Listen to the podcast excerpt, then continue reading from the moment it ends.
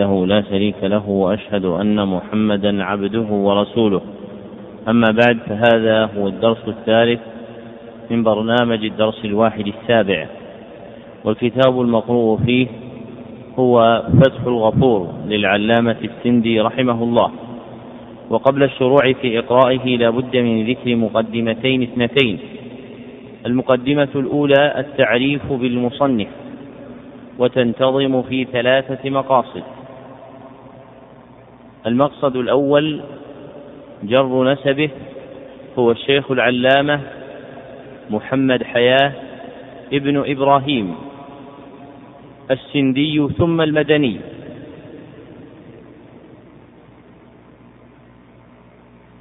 لم أقف له على كنية ولقب بالحافظ. حلاه بذلك عبد الرحمن الأهدل في كتاب النفس اليماني.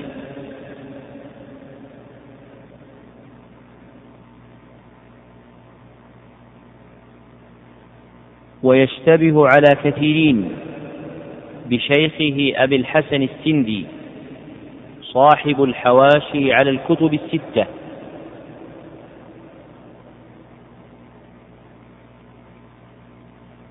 ومما يستطرف في ترجمته أنه ممن رزق السعد في تلاميذه. فإن اسمه محمد ونجب به ثلاثة من أصحابه كلهم اسمه محمد.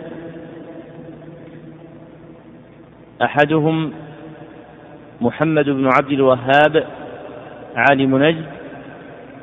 والثاني محمد بن إسماعيل الصنعاني عالم صنعاء. والثالث محمد بن أحمد الستاريني عالم الشام. المقصد الثاني تاريخ مولده. لم يذكر أحد ممن ترجم له سنة ولادته. المقصد الثالث تاريخ وفاته توفي رحمه الله لأربع بقين من شهر صفر سنة ثلاث وستين بعد المئة والألف وليس في ترجمته ما يدل على تقدير عمره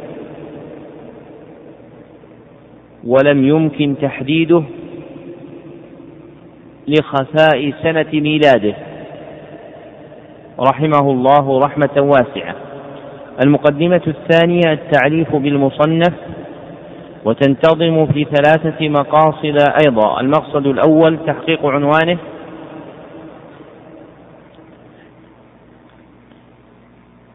أوثق عروة في تحقيق عنوان كتاب هي الوقوف على نص مصنفه.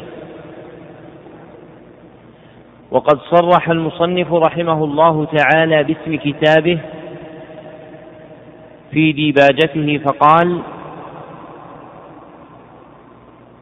فهذه رسالة مسماة بفتح الغفور في وضع الأيدي على الصدور. ويوخذ عليه رحمه الله إهمال ذكر المحل.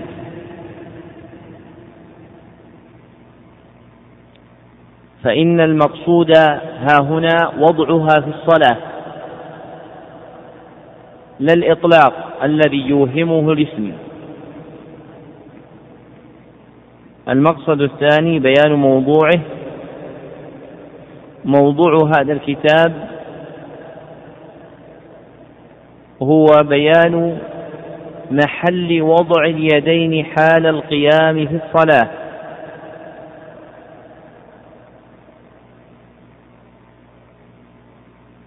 والانتصار لكونه الصدر. المقصد الثالث توضيح منهجه. إن مرد هذه المسألة إلى النقل والأثر لا إلى العقل والنظر. وقد حشد المصنف رحمه الله تعالى المأثورات من الأحاديث والآثار. يعزوها تارة بأسانيدها ويهمل ذكر أسانيدها تارة أخرى. مع نقل كلام أهل العلم فيها.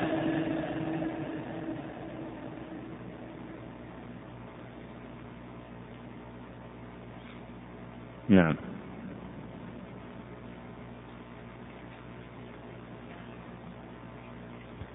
اللهم اغفر لنا ولشيخنا وللحاضر هذا التسجيل. ملغى نعم. اللهم اغفر لنا ولشيخنا وللحاضرين والمستمعين. قال الشيخ محمد حياه رحمه الله تعالى بسم الله الرحمن الرحيم. الحمد لله الشكور والصلاة الحمد لله الشكور والصلاة والسلام على حبيبه المشكور وآله وصحبه إلى يوم كما قرأ الأخ محمد. بعض الناس يقول محمد حياة السندي وهو مثل أبي شاه. الصحابي اكتبوا لأبي شاه بالهاء وصلا ووقفا. فمثله محمد حياة السندي وقفا ووصلا. نعم. أما بعد فهذه رسالة مسماة بفتح الغفور في وضع الأيدي على الصدور. قال الإمام أحمد في مسنده حدثنا يحيى بن سعيد عن سفيان قال حدثنا سماك عن قبيصة بن هل عن أبيه قال رأيت رسول الله صلى الله عليه وسلم ينصرف عن يمينه وعن يساره ورأيته يضع يده على صدره ووصل يحيى اليمنى على اليسرى فوق المفصل ورأيت بالتحقيق بلفظه يضع يده على صدره.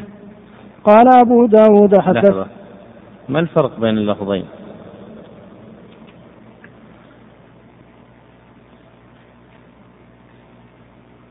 في الأول قال ورأيته يضع يده على صدره. في الثاني قال رأيت في التحقيق بلفظي إيش؟ يضع يده على صدره. ما الفرق بينهما؟ بينهم فرق؟ بينهم فرق؟ لا. فيدل على وجود خطأ. لم ينتبه إليه ناشر الكتاب. الصواب في لفظ أحمد ورأيته أضع هذه على صدره. اللفظ الذي ذكره بالإسناد ورأيته يضع هذه على صدره. ثم قال ورأيت في التحقيق. تحقيق كتاب إيش؟ تحقيق في أحاديث الخلاف لأبي الفرج بن الجوزي. قال ورأيت في التحقيق بلفظ يضع هذه على هذه على صدره. يضع هذه على هذه على صدره.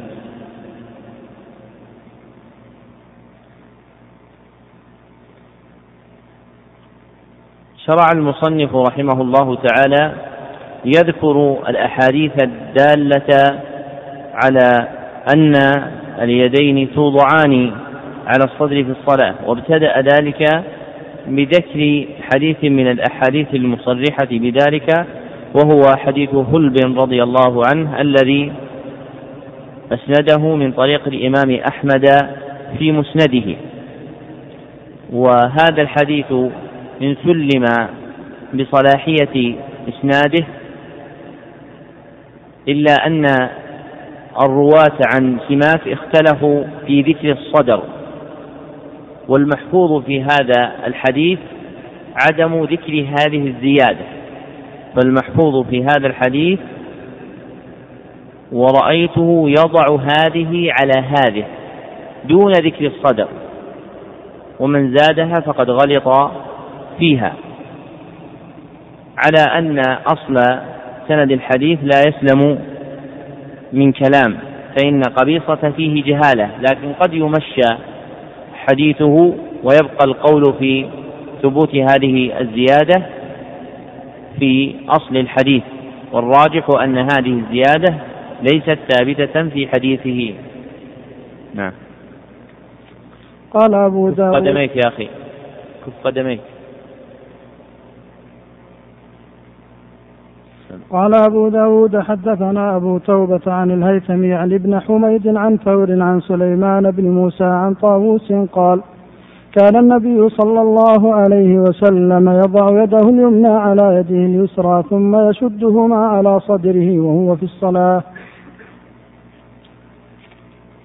قال ابن عبد البر في التمهيد عن طاووس قال كان رسول الله صلى الله عليه وسلم يضع يده اليمنى على يده اليسرى ثم يشدهما على صدره وهو في الصلاة. ذكر المصنف رحمه الله تعالى ها هنا دليلا ثانيا للقائلين بأن موضع وضع اليدين هو الصدر وهو حديث طاووس ابن كيسان رحمه الله تعالى. وإسناده صحيح إلا أنه مرسل. وقد تقرر أن المرسل من جملة الحديث الضعيف وذلك للجهل بالساقط منه كما قال العراقي رحمه الله تعالى في الألفية واحتج به مالك كذا النعمان وتابعوهما به ودانوا ورده جماهر النقاد للجهل بالساقط في الإسناد. وقد ذكرنا فيما سبق ضابطا في بيان معنى المرسل وحكمه. فقلنا إيش؟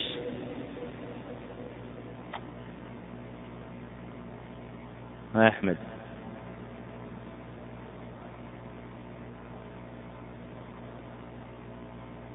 من الرواة تابع وضعفة.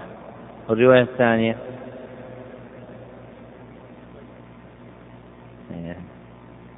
هذه رواية قديمة أبو أحمد. نعم. قلنا ومرسل الحديث ما قد رفعه من الرواة تابع فضعفه.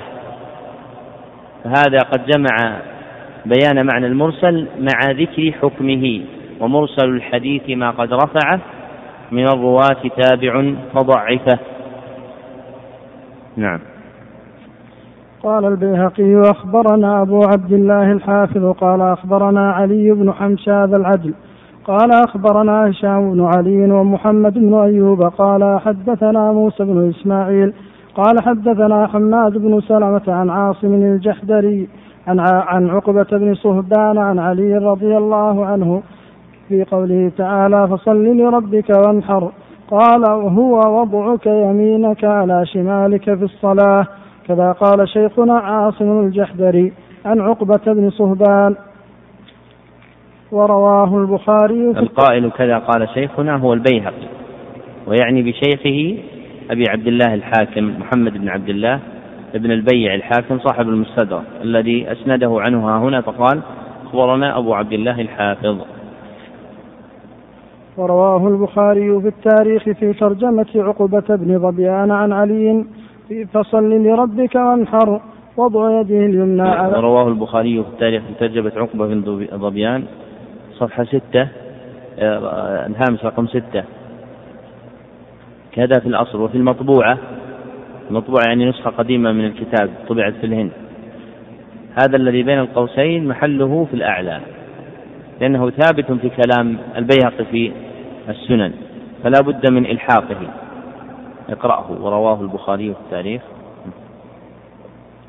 ورواه البخاري في التاريخ في ترجمة عقبة بن صهبان عن موسى بن إسماعيل عن حماد بن سلمة أنه سمع عاصما الجح الجحدري عن أبيه عن عقبة بن صهبان عن علي عن عقبة بن صهبان عن علي رضي الله عنه فصل لربك وانحر. وضع يده اليمنى على وسط وضع يده اليمنى على وسط ساعده اليسرى على صدره. قال أخبرنا أبو بكر أحمد بن محمد بن الحارث الفقيه. قال أخبرنا أبو محمد بن حيان أبو الشيخ. قال حدثنا أبو الحريش الكلابي. قال حدثنا شيبان. قال أخبرنا حماد بن سلمة. قال أخبرنا عاصم الجحدري. عن أبيه عن عقبة بن صهبان كذا قال إن عليا قال في هذه الآية فصل لربك وانحر قال وضع يده اليمنى على وسط يده اليسرى ثم وضعهما على صدره. قال وأخبرنا أبو الحريش قال أخبرنا حماد قال أخبرنا عاصم الأحول عن رجل عن أنس مثله أو قال عن النبي صلى الله عليه وسلم. ذكر المصنف رحمه الله تعالى دليلا ثالثا من أدلة القائلين بأن محل وضع اليدين في الصلاة هو الصدر وهو أثر علي رضي الله عنه في تفسير قوله تعالى فصل لربك وانحر وهذا الأثر لا يثبت إسناده وقد اضطرب فيه الرواة فتارة جعلوه عن علي موقوفا وتارة جعلوه عن أنس موقوفا أيضا وتارة ثالثة جعلوه مرفوعا إلى النبي صلى الله عليه وسلم.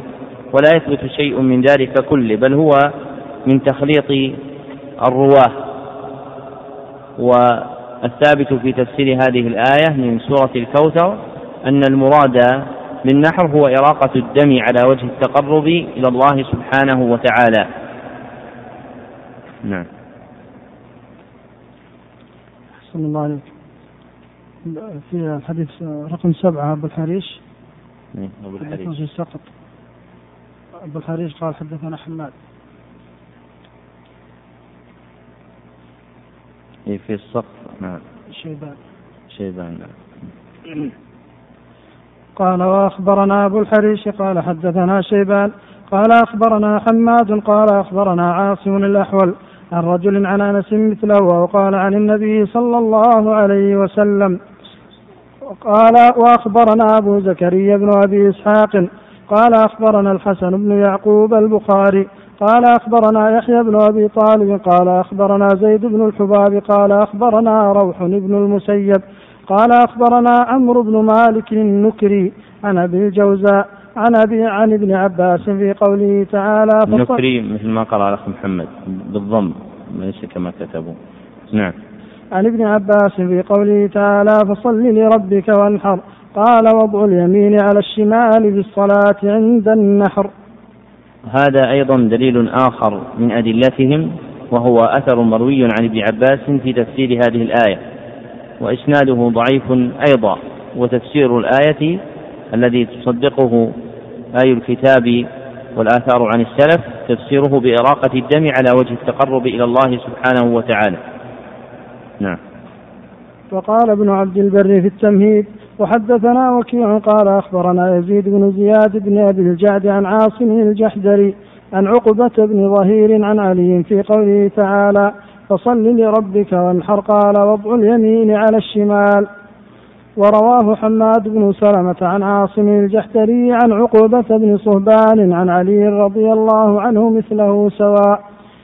وروى عمرو بن مالك عن أبي الجوزاء عن ابن عباس في قوله تعالى فصل لربك وانحر قال وضع اليمين على الشمال أي عند النحر كما تقدم وقال الدار قطني حدثنا محمد بن مخلد قال أخبرنا محمد بن إسماعيل الحساني قال أخبرنا وكيع قال أخبرنا يزيد بن زياد بن أبي الجعد عن عاصم الجحدري عن عقبة بن ظهير عن علي رضي الله عنه فصل لربك وانحر قال وضع اليمين على الشمال أي على الصدر لما في بعض الروايات ولأن مادة النحر تدل على ذلك. هذه الأسانيد هي من تخليط الرواة أيضا فمدار هذا الحديث على عاصم الجحدري واختلفوا عليه تارة يروونه عنه عن عقبة ابن ظهير عن علي وتارة يروونه على غير هذا الوجه فيروونه عن عقبة بن ظبيان عن علي. وتارة يروى عن ابن عباس رضي الله عنه كل هذه الأسانيد الآثار الموقوفة عن ابن عباس وعلي رضي الله عنه لا تصح.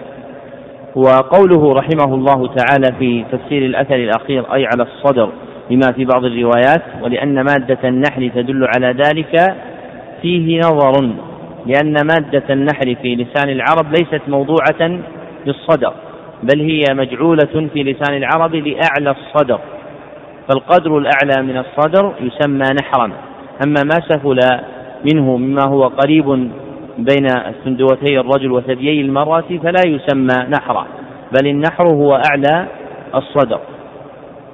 نعم.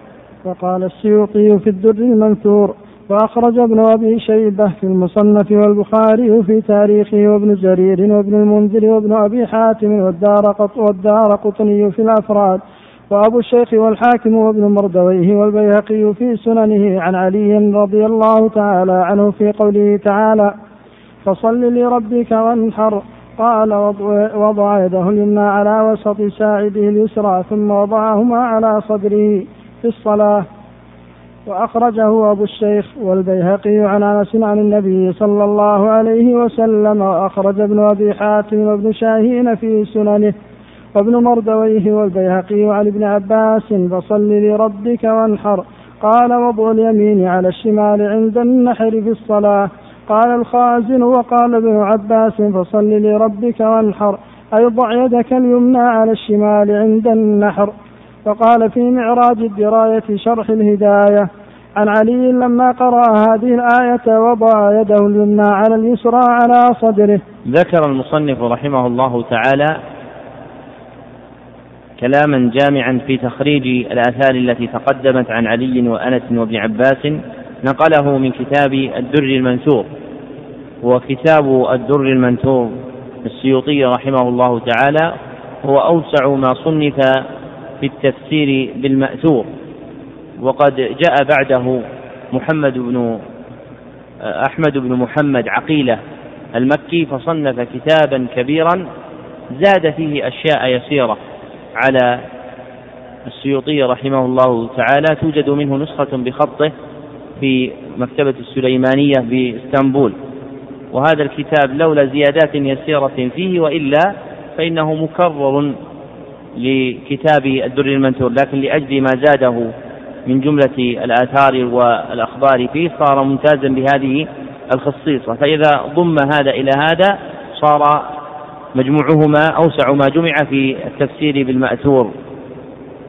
وما ذكره المصنف رحمه الله تعالى بالنقل عن تفسير الخازن وكتاب معراج الهداية الدراية مثله لا يحتاج إليه لأن هذه المصادر ليست مصادر أصلية لرواية الحديث وإنما يعول في تخريج الأحاديث على الكتب التي تروي الأحاديث بالأسانيد. وأما من ينقل ككتب التفسير وشروح الأحاديث وكتب الفقهاء فهذه لا ينتفع بنقلها ما دامت الأصول موجودة. نعم. ونقل بعضهم عن الحاكم أنه قال هو أحسن في تأويل الآية وقول من قال وإن كان المراد ما, ما ذكر فمعناه ضع بالقرب من الصدر. وذلك تحت الصدر غلط عقلا ونقلا فتأمل. ذكرها هنا كلاما عن الحاكم في تقوية أثر علي رضي الله عنه من جهة المعنى بتفسير قوله تعالى وانحر بوضع اليد على الصدر وهذا الحاكم تبادر إلى خلد ناشر الكتاب أنه أبو عبد الله الحاكم صاحب صاحب المستدرك ومعرفة علوم الحديث وغيره. ولا يظهر ذلك لأن المصنف حنفي وكلامه جاء في درج النقل عن كتاب في فقه الحنفية. والحنفية أحد أئمتهم المعتمدين الحاكم الشهيد رحمه الله صاحب كتاب الكافي. فالظاهر أن هذا منقول عنه فإنه يبعد نقله عن عن أبي عبد الله الحاكم لأن كلامه في التفسير نادر وليس هذا الكلام في كتاب المستدرك. ولو كان له موضع من كتبه هو به أحرى كان كتاب المستدرك. ثم نبه على غلط من زعم أن هذا الأثر إن كان المراد به ما ذكر فمعناه بالقرب من الصدر وذلك تحت الصدر. ففسروا النحر الذي ذكره علي في وضع اليدين بأن يضعها الإنسان قريبا من الصدر عند الذين يقولون بوضع اليد اليدين فوق السرة أو على السرة أو تحتها. لكن هذا غلط. ولو صح الأثر حمله على الصدر أولى من حمله على ما دونه لأنه صرح به في بعض الآثار. نعم. ونقل عن مل ونقل عن ملا الله داد الهندي أنه قال في شرح الهداية إذا كان حديث إذا كان حديث وضع اليدين تحت السرة ضعيفا ومعارضا بأثر علي. رضي الله الوداد يعني هذه بمعنى عطية الله مثل الله بخش يعني هبة الله. نعم. إذا كان حديث وضع اليدين تحت السرة ضعيفا ومعارضا بأثر علي رضي الله عنه بأنه فسر قوله تعالى فصل لربك وانحر على الصدر يجب أن يعمل بحديث وائل الذي ذكره النووي نعم.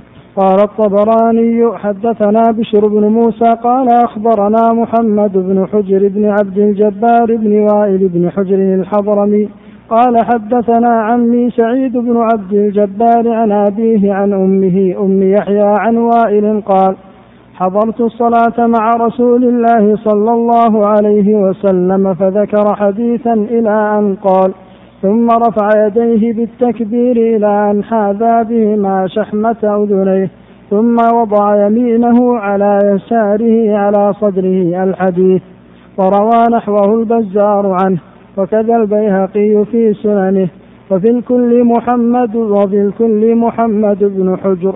قال البخاري فيه بعض النظر وقال غيره له مناكير. قال البياقي ورواه أيضا مؤمل بن إسماعيل عن الثوري عن عاصم بن كليب عن أبيه عن وائل أنه رأى النبي صلى الله عليه وسلم وضع يمينه على شماله ثم وضعهما على صدره. قلت فمؤمل صدوق سيء الحفظ كما في التقريب. ويؤيد هذا ما ذكره غير واحد من العلماء أن ابن خزيمة روى في صحيحه هذا الحديث. قال النووي في خلاصة الأحكام وعن وائل قال صليت مع رسول الله صلى الله عليه وسلم فوضع, فوضع يده اليمنى على يده اليسرى. ذكر المصنف رحمه الله تعالى ها هنا حديثا آخر من الأحاديث التي احتج بها من يذهب إلى وضع اليدين على الصدر وهو حديث وائل بن حجر ورواه من طريقين أحدهما رواية محمد بن حجر عن عمه سعيد بن عبد الجبار عن أبيه عن أمه أم يحيى عن وائل. وإسناده ضعيف كما صرح بذلك المصنف لأنه قال وفي الكل يعني في كل الأسانيد المتقدمة محمد بن حجر وهو ضعيف الحديث. وقد روى هذا الحديث على وجه مستنكر إذ حديث وائل ثابت ليس فيه ذكر الصدر. وأما الطريق الثانية وهي رواية مؤمل بن إسماعيل التي رواها ابن خزيمة في صحيحه والبيهقي في السنن فكذلك هي معلة بأن مؤملا هذا صدوق له أخطاء وهو إلى الضعف أقرب وقد خالف أصحاب الثوري الثقات الذين لم يذكروا زيادة الوضع على الصدر في حديثهم فهذه الزيادة في حديث وائل لا تصح أيضا. نعم. فإن قلت يعارض هذا ما ذكره الشيخ قاسم في تخريج أحاديث الاختيار عن, عن ابن أبي شيبة ولفظه وكيع عن موسى بن عميرة. موسى بن عميرة. عن أحسن الله ولفظه وكيع عن, وكيع عن موسى بن عميرة عن علقمة بن وائل بن حجر عن أبيه قال رأيت رسول الله صلى الله عليه وسلم وضع يمينه على شماله في الصلاة تحت السرة. هذا إسناد جيد. قلت في ثبوت زيادة تحت السرة نظر بل هي غلط. منشأه منشأه السهو. فإني راجعت نسخة صحيحة للمصنف فرأيت فيها هذا الحديث بهذا السند وبهذه الألفاظ. إلا أنه ليس فيها تحت السرة وذكر فيها بعد هذا الحديث أثر النخعي ولفظه قريب من لفظ هذا الحديث وفي آخره في الصلاة تحت السرة. فلعل بصر الكاتب زاغ من محل إلى آخر فأدرج لفظ الموقوف في المرفوع. ويدل على ما ذكرت أن كل النسخ ليست متفقة على هذه الزيادة. وأن غير واحد من أهل الحديث روى هذا الحديث ولم يذكر تحت السرة. بل ما رأيت ولا سمعت أحدا من أهل العلم ذكر هذا الحديث بهذه الزيادة إلا القاسم. هذا ابن عبد البر حافظ دهره قال في التمهيد وقال الثوري وأبو حنيفة أسفل السرة وروي ذلك عن علي وإبراهيم النخعي ولا يثبت ذلك عنهم. فلو كان هذا الحديث الصحيح ولو فلو كان هذا الحديث الصحيح بهذه اللفظة في مصنف ابن أبي شيبة لذكره مع أنه قد أكثر في هذا الباب وغيره عن ابن أبي شيبة. وهذا ابن حجر حافظ عصره يقول في فتحه وقد روى ابن خزيمة من حديث وائل هو فتحه؟ هو فتحه؟ فتح الله لأن سماه إيش؟ سماه إيش هو؟ فتح فتح الباري وقد نبهنا أن اختصار الكتب في أسمائها له شرطان ما هما؟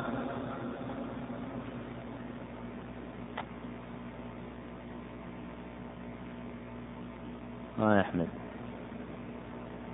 إيش ارفع صوتك أيوه ثاني آه محمد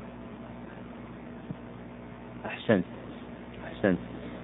ذكرنا فيما سلف أن اختصار أسماء الكتب له شرطان اثنان. أحدهما أن لا يلتبس عند الاختصار بغيره.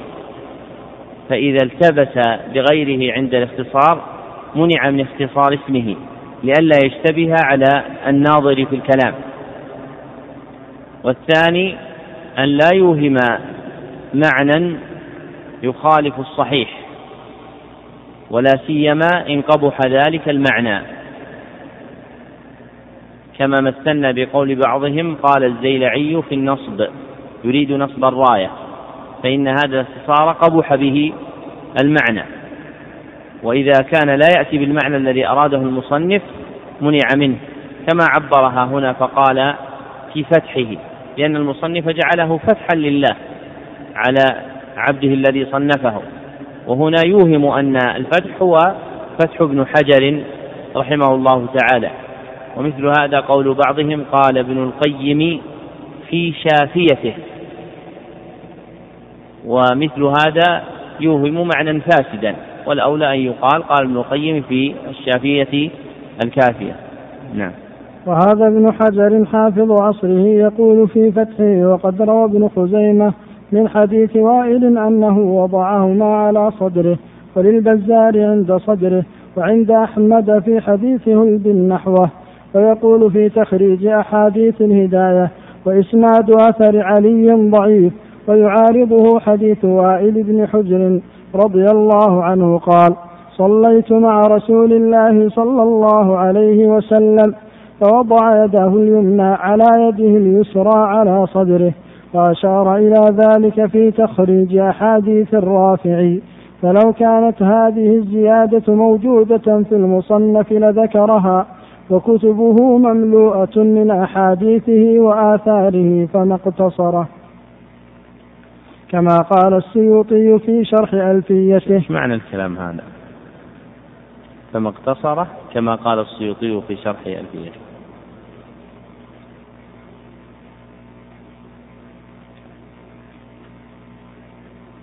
الصواب فقد اختصره كما قاله السيوطي في شرح ألفيته.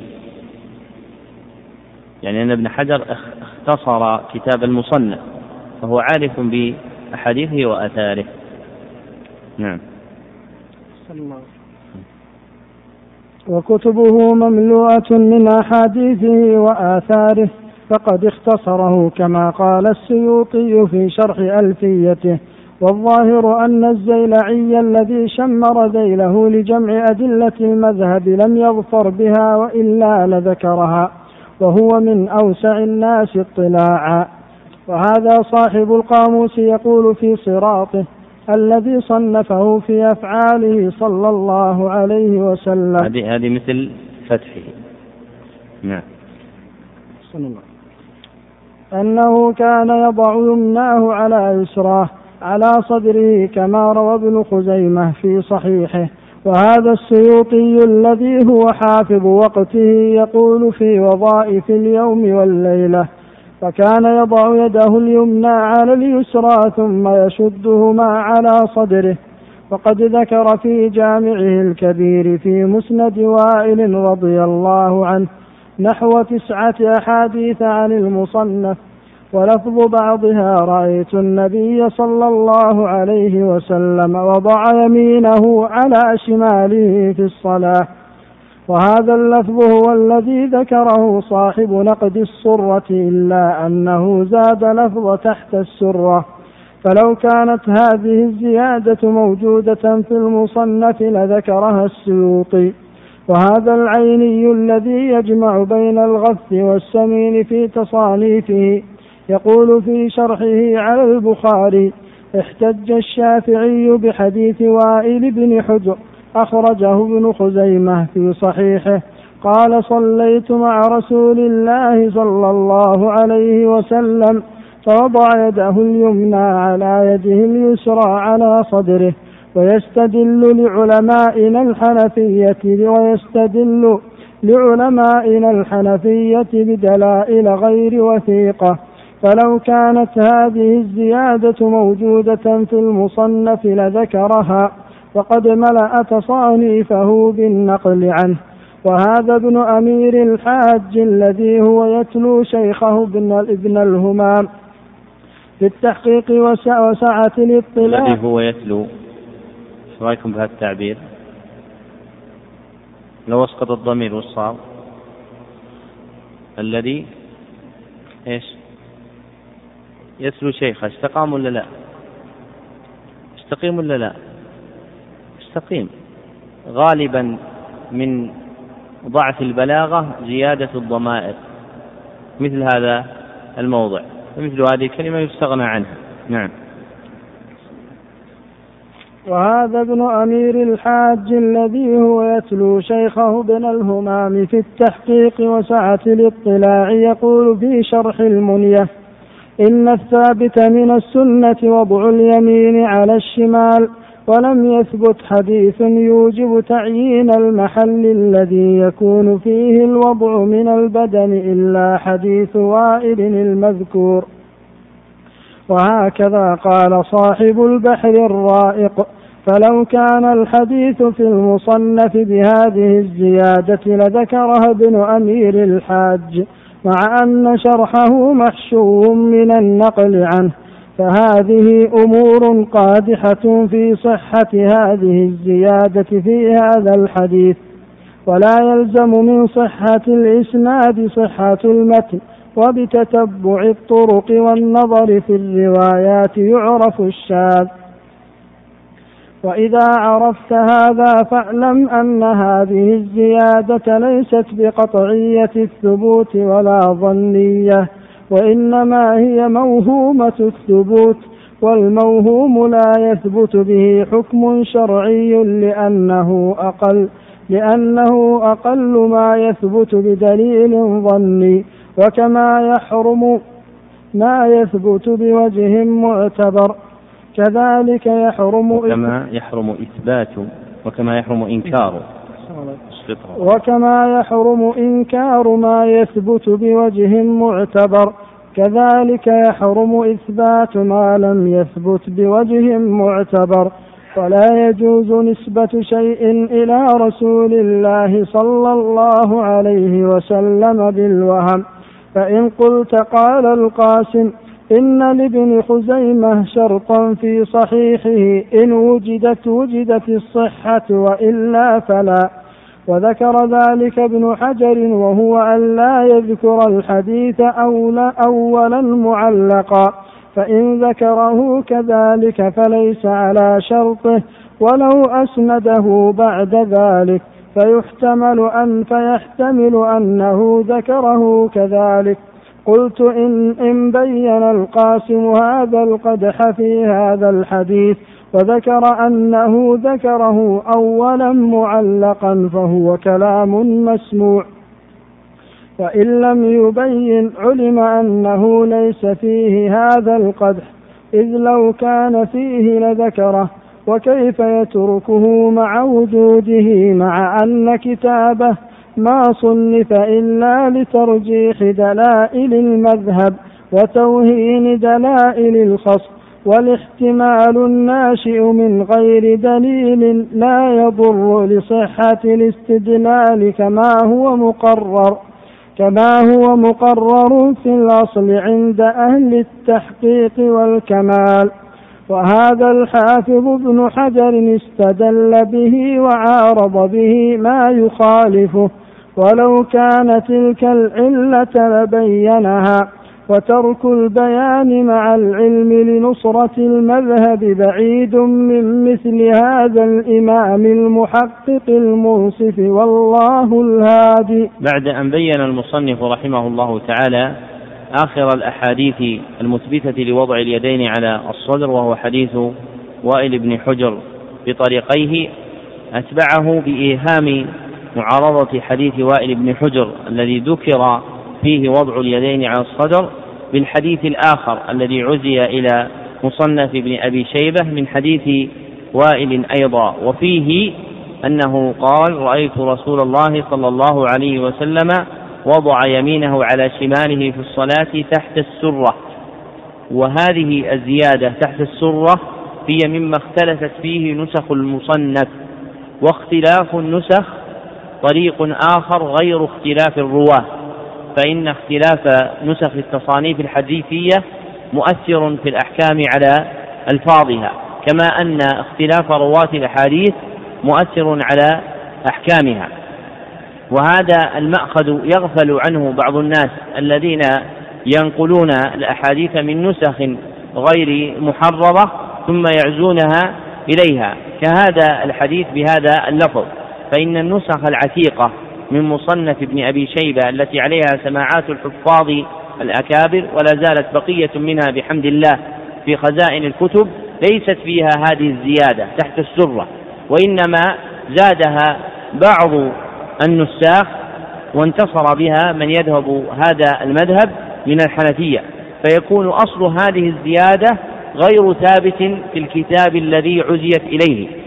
وشبيه هذا زيادة إنك لا تخلف الميعاد التي وقعت في رواية الكشميهني من صحيح البخاري فإن من المتأخرين من جنح إلى تصحيح هذه الرواية اعتمادا على كونها مروية في نسخة من نسخ البخاري وهي رواية الكشميهني عن الفربري عن محمد بن إسماعيل البخاري.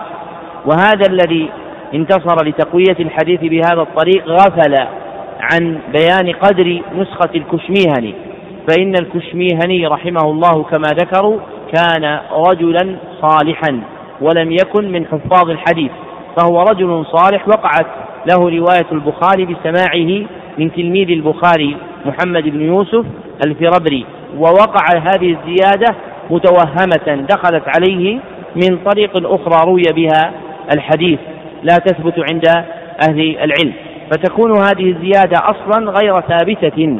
فتكون هذه الزيادة أصلا غير ثابتة في صحيح البخاري.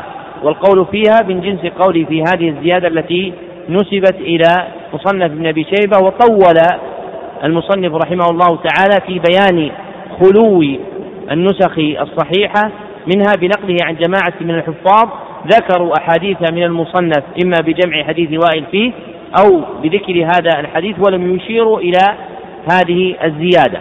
ولو قيل إن هذه الزيادة ثابتة في المصنف فإن زيادة السر تحت السرة أشد وهنا من زيادة الصدر في حديث وائل. فحديث وائل محفوظ ليس فيه ذكر هذه الزيادة ولا تلك فلا يكون متمسكا لا إلى هؤلاء ولا إلى هؤلاء. ثم إنه أورد في آخر كلامه فائدة شريفة وهي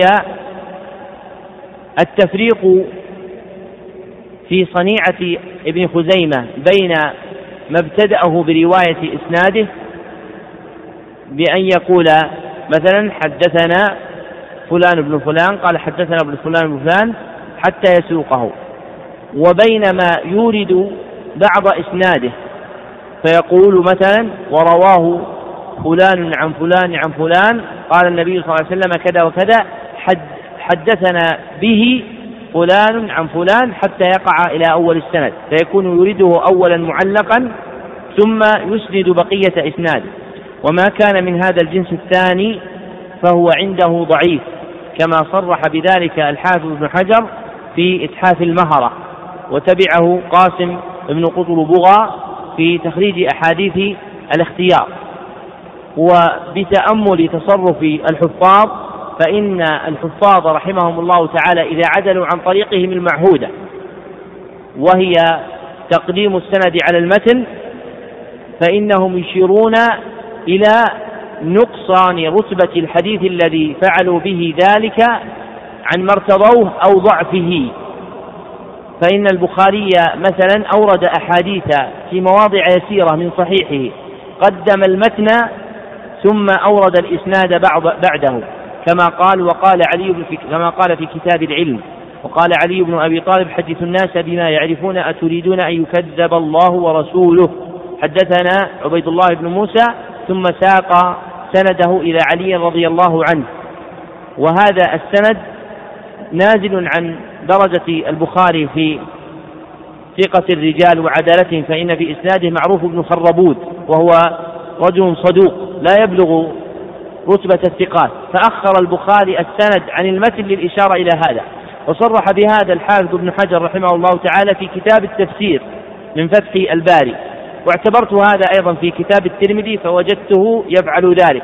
فإذا أخر الحفاظ السند كله أو بعضه عن المتن فإن ذلك إشارة إما إلى نزوله عن رتبة الصحة التامة أو إلى ضعفه وهذا مقطوع به في ابن خزيمة وكذلك في تصرف البخاري والترمذي الترمذي يوجد مثل هذا المعنى الذي أشرناه. وقد فرغ المصنف رحمه الله تعالى من ذكر الأحاديث التي أوردها. نعم. ومما تقدم تقرر أن لوضع الأيدي على الصدور في الصلاة أصلا أصيلا ودليلا جليلا فلا ينبغي لأهل الإيمان الاستنكاف عنه. وكيف يستنكف المسلم عما ثبت عن رسول الله صلى الله عليه وسلم الذي قال لا يؤمن أحدكم حتى يكون هواه تبعا لما جئت به بل ينبغي لمقتضى آثاره. لمقتفي آثاره. بل ينبغي لمقتفي آثاره أن يفعل ذلك ولو في بعض الأوقات. اللهم اهدنا لما اختلف فيه من الحق فإنك تهدي من تشاء إلى صراط مستقيم. تمت بيد محمد سليم الفرم الفرموي. في الحادي والعشرين من ذي الحجة سنة خمس وثلاثمائة وألف. فرغ المصنف رحمه الله تعالى من ذكر الأحاديث والآثار التي نصر بها القول بأن محل وضع اليدين في الصلاة حال القيام هو الصدر. وحاصل ما ذكره أربعة أحاديث مرفوعة وثلاثة آثار موقوفة. فأما المرفوعات فأحدها حديث هلب الطائي وثانيها حديث وائل بن حجر وثالثها حديث أنس بن مالك ورابعها مرسل طاووس. وأما الآثار فأحدها أثر علي وثانيها أثر أنس وثالثها أثر ابن عباس. وكل ما روي في هذا الباب مرفوعا أو موقوفا فإنه لا يثبت منه شيء. وقد نقل ابن المنذر رحمه الله تعالى هذا عن بعض المحققين في كتاب الأوسط ولم يسمه بأنه لم يصح عن النبي صلى الله عليه وسلم حديث في أن محل وضع اليدين على في الصلاة هو الصدر وهو الحق فإن الأحاديث المروية في ذلك لا يثبت منها شيء. وقد تتبعت الآثار المنقولة عن الصحابة رجاء أن نصيب أثرا واحدا فلم نجد في ذلك شيئا يصح. بل إن جميع الأحاديث والآثار المروية عن الصحابة في تحديد محل وضع اليدين من الصدر أو السرة أو تحت السرة أو فوق السرة لا يثبت منها شيء أبدا. إذا أين يضع الإنسان يديه؟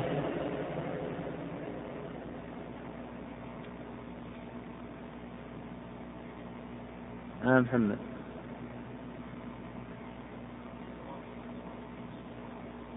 إيش؟ وليه كيف ما عرف هذه عبادة كيف طيب مذهبه إذا كان مذهبه دليل ضعيف عنده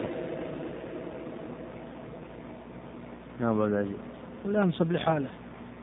إيش الدليل؟ أنه لم يثبت فيها شيء. إذا لم يثبت فيها شيء. يرجع إلى طبيعة الإنسان وحرص على الخشوع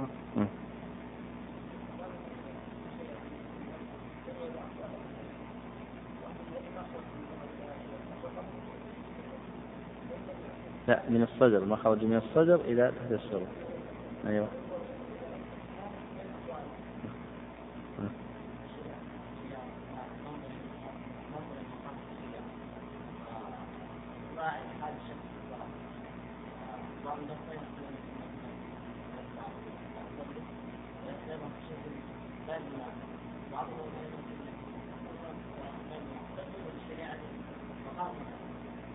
يعني نفس قول الإخوان. ذكرنا هذه المسألة قريبا في التعليق على حاشية آداب المسجد الصلاة. نقول إن الإنسان مخير في ذلك. والدليل على ذلك شيئان اثنان. أحدهما ما نقله الترمذي عن الصحابة والتابعين من التوسعة في ذلك. فقد صرح الترمذي في الجامع بأن الصحابة والتابعين يرون التوسعة وتخيير الإنسان في المحل الذي يضع فيه يديه.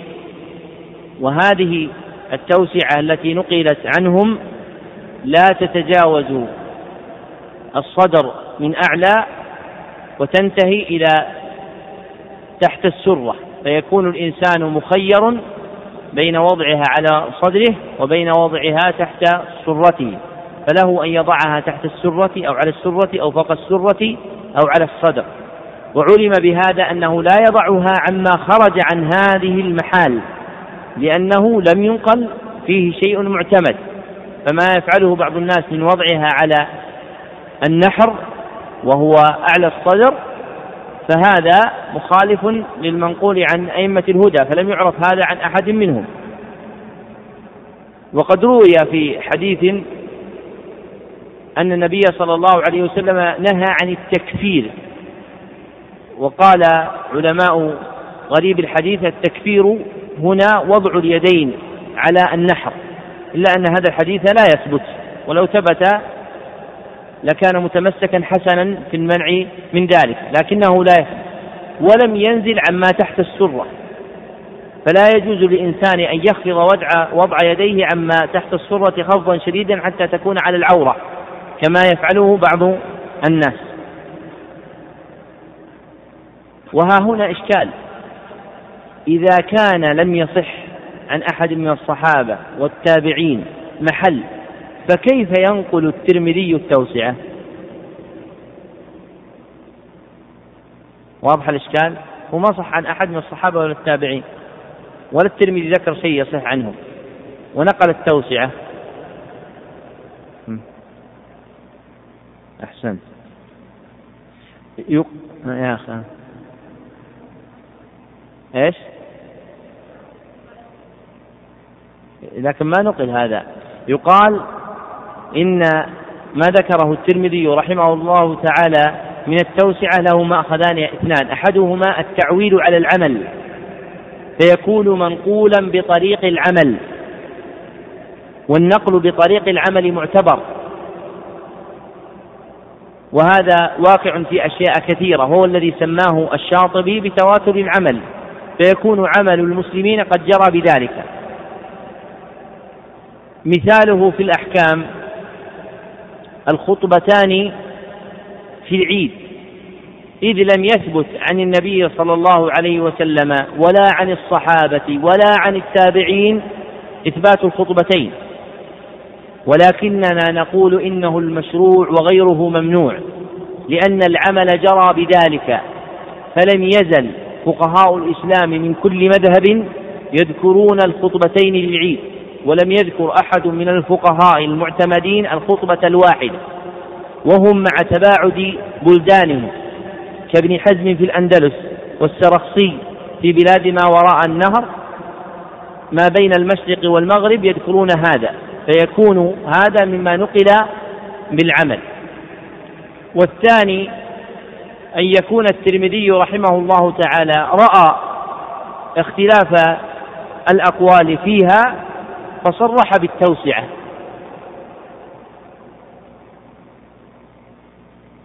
هذا كله في الدليل الأول. ما هو الدليل الثاني؟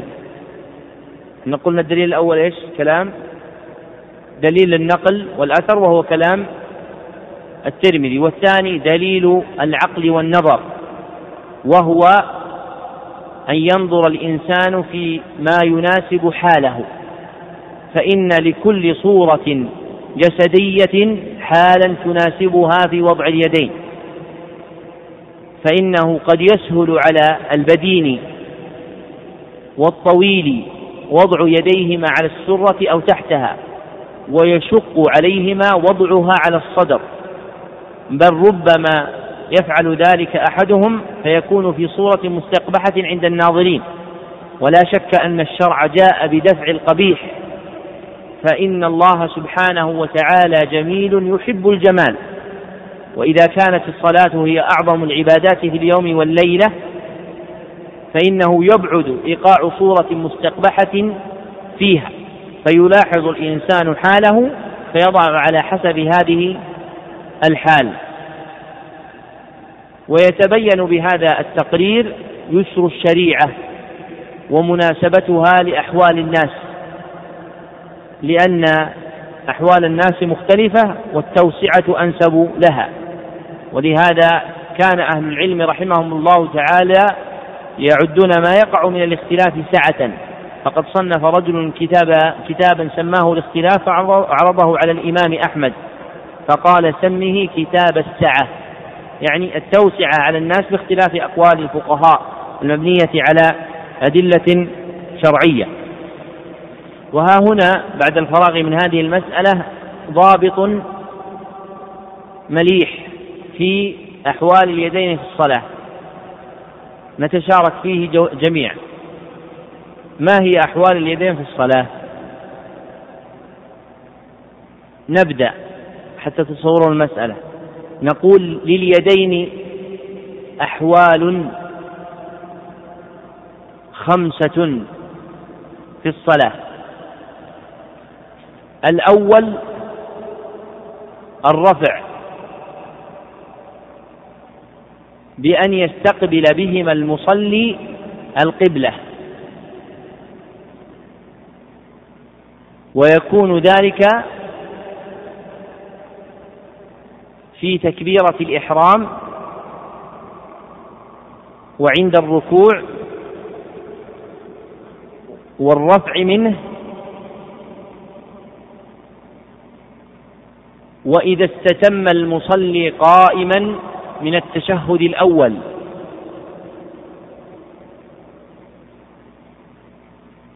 واضحة الصورة هذه ولا ما هي واضحة؟ كيف السفر تكون اليدين؟ كيف تكون اليدين في هالحال هذه؟ كيف؟ مثلا نعم تكون بهذه الصورة تكون مرفوعة بهذه الصورة وقولنا إذا استتم قائما يعني متى يرفع إذا قام للثالثة؟ وهو جالس في التشهد أو إذا قام؟ إذا قام. فقد ثبت ذلك صريحا عن ابن عمر في موضعين من مصنف عبد الرزاق رضي الله عنه. الحال الثانية.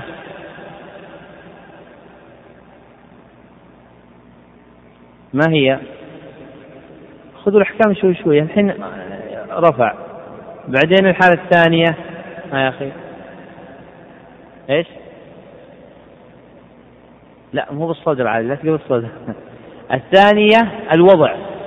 الحالة الثانية الوضع. ومحله أين محله؟ لا أين متى الوضع هذا؟ ما أحمد. في حال القيام قبل الركوع في حال القيام قبل الركوع.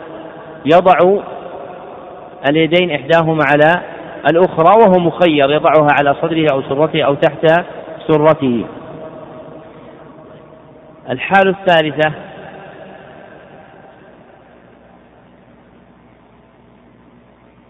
ها يا إخوان الحالة الثالثة. ها محمد. فهد فهد إيش؟ وش يكون كيف؟ إحنا نقول حال اليد ما نقول وش وش يسمى هذا؟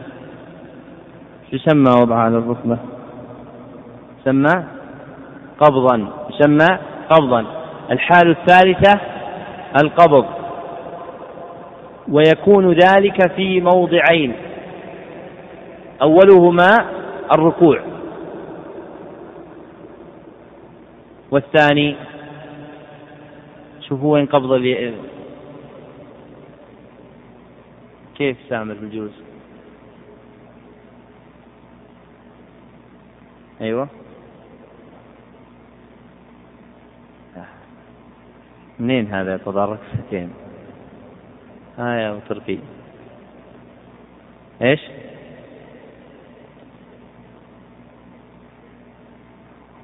في القيام. لا في القيام هذا اللفظ غلط. الصحيح الوضع. بينا في حجة الصلاة هذا بالمسجد الصحيح أنه الوضع أما القبض ما ثبت فيه حديث. حديث غلط التي فيه. ها أبو عبد الرحمن. إيش؟ ارفع صوتك. كيف؟ طيب والتشهد الأول. الحالة الثانية من القبض هي قبض اليسرى في التشهد بأن يضع بأن يلقم أصابعه ركبته اليسرى في التشهد فاليسرى في التشهد لها وضعان أحدهما أن يضعها والثاني أن يقبض الركبة بها هذا موضع القبض الثاني طيب الحالة الرابعة لليدين آه. إيش؟ وأين؟ قبلها فيه قبل قبل ما نجي البسط خلي البسط آخر شيء. ها. إيه هذا بس يأتي. شو يصير؟ أحسنت. الحال الرابعة الإرسال. الحال الرابعة الإرسال. ويكون ذلك بعد الرفع من الركوع. فإذا رفع المصلي من الركوع فالمشروع له أن يرسل يديه.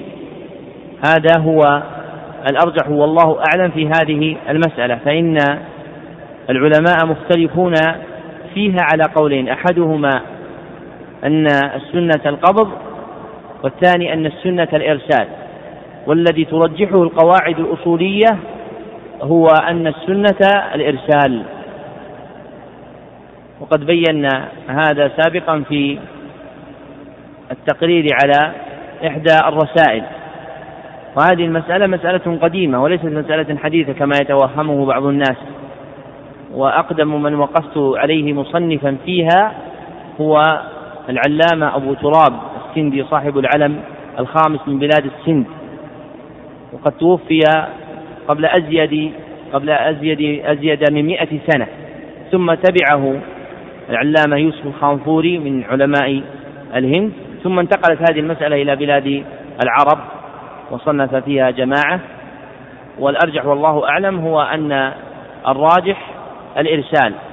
لكن إن كان أهل البلد مذهبهم القبض ويستقبحون الفعل من الإمام فإن الشريعة جاءت بملاحظة المصلحة في ذلك فلا يفعله الإمام الذي لم يبلغ في نفوس الناس التعظيم والأخذ بقوله بل يجري على ما عليه مذهب إمامه والفتية الشائعة في بلده وإذا صلى في خاصة نفسه يفعل ما يشاء. الحال الخامسة إيش؟ البسط البسط ويكون ذلك في كم موضع؟ في ثلاثة مواضع. الأول السجود. فإن اليدان تكون مبسوطتان. فإن اليدين تكونان مبسوطتين. والثاني بين بين السجدتين. والثالث في في التشهد. في التشهد. سواء ضم اليمنى أم لم يضمها فإن حكمها هو البسط لأن أصلها مبسوطة على هذا الموضع وإنما اليسرى هي التي تقبض تارة وتبسطها تارة أخرى. هذا ضابط حسن في معرفة أحوال اليدين في الصلاة. وهذه الطريقة طريقة نافعة لم يسلكها أحد من المصنفين في الصلاة. قد كنت جمعت فيها شيئا قديما ثم انشغلت عنه. فلو أن أحدكم أراد أن يضبط أحكام الصلاة بالنظر إلى الأعضاء كان ذلك تفقها جيدا فينظر في كل عضو في معرفة أحواله فينظر في أحوال الإصبع مثلا وعنده في ذلك مسائل سواء الإشارة به في التشهد أو تحريكه أو قبض الأصابع في الركوع والسجود أو تفريقها وينظر أيضا في أحكام الرجلين مثلا سواء القدمين أو الركبتين وينظر في أحكام الجبهة والأنف ويتتبع الأعضاء التي علقت بها الأحكام في الصلاة ويرتب تلقها على هذا فإنه ينتفع في ضبط أحكام المسائل. وضبط أحكام المسائل يعين في الترجيح في بعض المسائل التي تشكل. مثال ذلك أن أهل العلم رحمهم الله تعالى اختلفوا في حال القدمين في السجود. هل تضمان أم تباعدان؟ والصحيح من اختلافهم أنهما تباعدان على وجه المقاربة فيبعد بين قدميه لكن لا يكون مباعدا مباعدة شديدة. ولم يثبت عن النبي صلى الله عليه وسلم حديث في هذا ولا ذاك. ولكننا وجدنا أن الأحاديث في أحوال الأعضاء في السجود جاءت على رعاية التوسعة وعدم التضام. فنهي المصلي أن يضم في سجوده عضديه إلى جنبيه وفخذيه إلى بطنه. فلما اعتبرنا هذا في السجود دل على أن المناسب في حال القدمين أن توضعان مفرقتين لكن تتقاربان. وهذا آخر التقرير على هذا الكتاب. والله أعلم. صلى الله وسلم على عبده ورسوله محمد وآله وصحبه أجمعين.